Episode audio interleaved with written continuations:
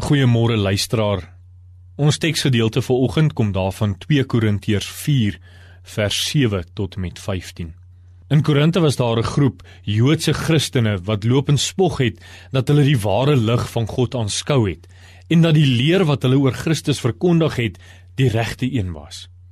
Volgens hulle stam hulle vanuit die regte Joodse bloedlyn wat meebring dat hulle besonderse insig in die Jesus saak het.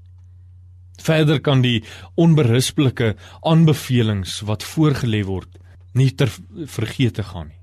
'n Aanbevelingsbrief in ons taal is 'n getuigskrif.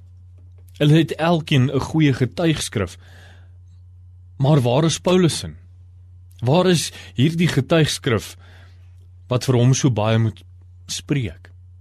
Hierdie was vrae wat hulle alles aan Paulus gestel het.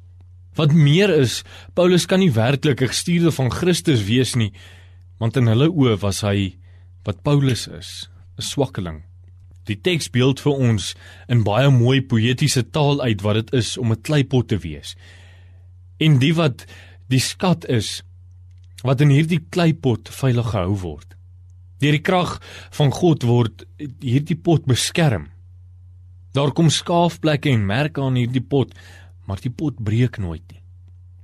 Alles Paulus ook uiterlik besig om stappie vir stappie die dood tegemoet te gaan onder swaar kry en siekte en lyding word sy innerlike geestelike bestaan steeds deur die Heilige Gees vernuwe om deel te wees van die nuwe lewe wat deur Christus gekom het.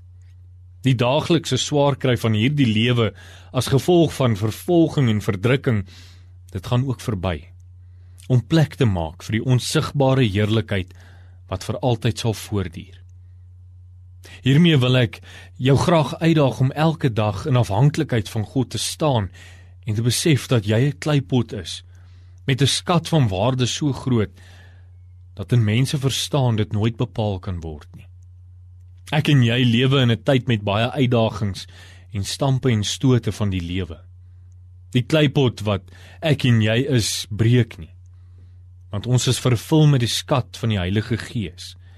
Die skat wat nooit sal opraak al deel ons dit aan almal om ons uit nie.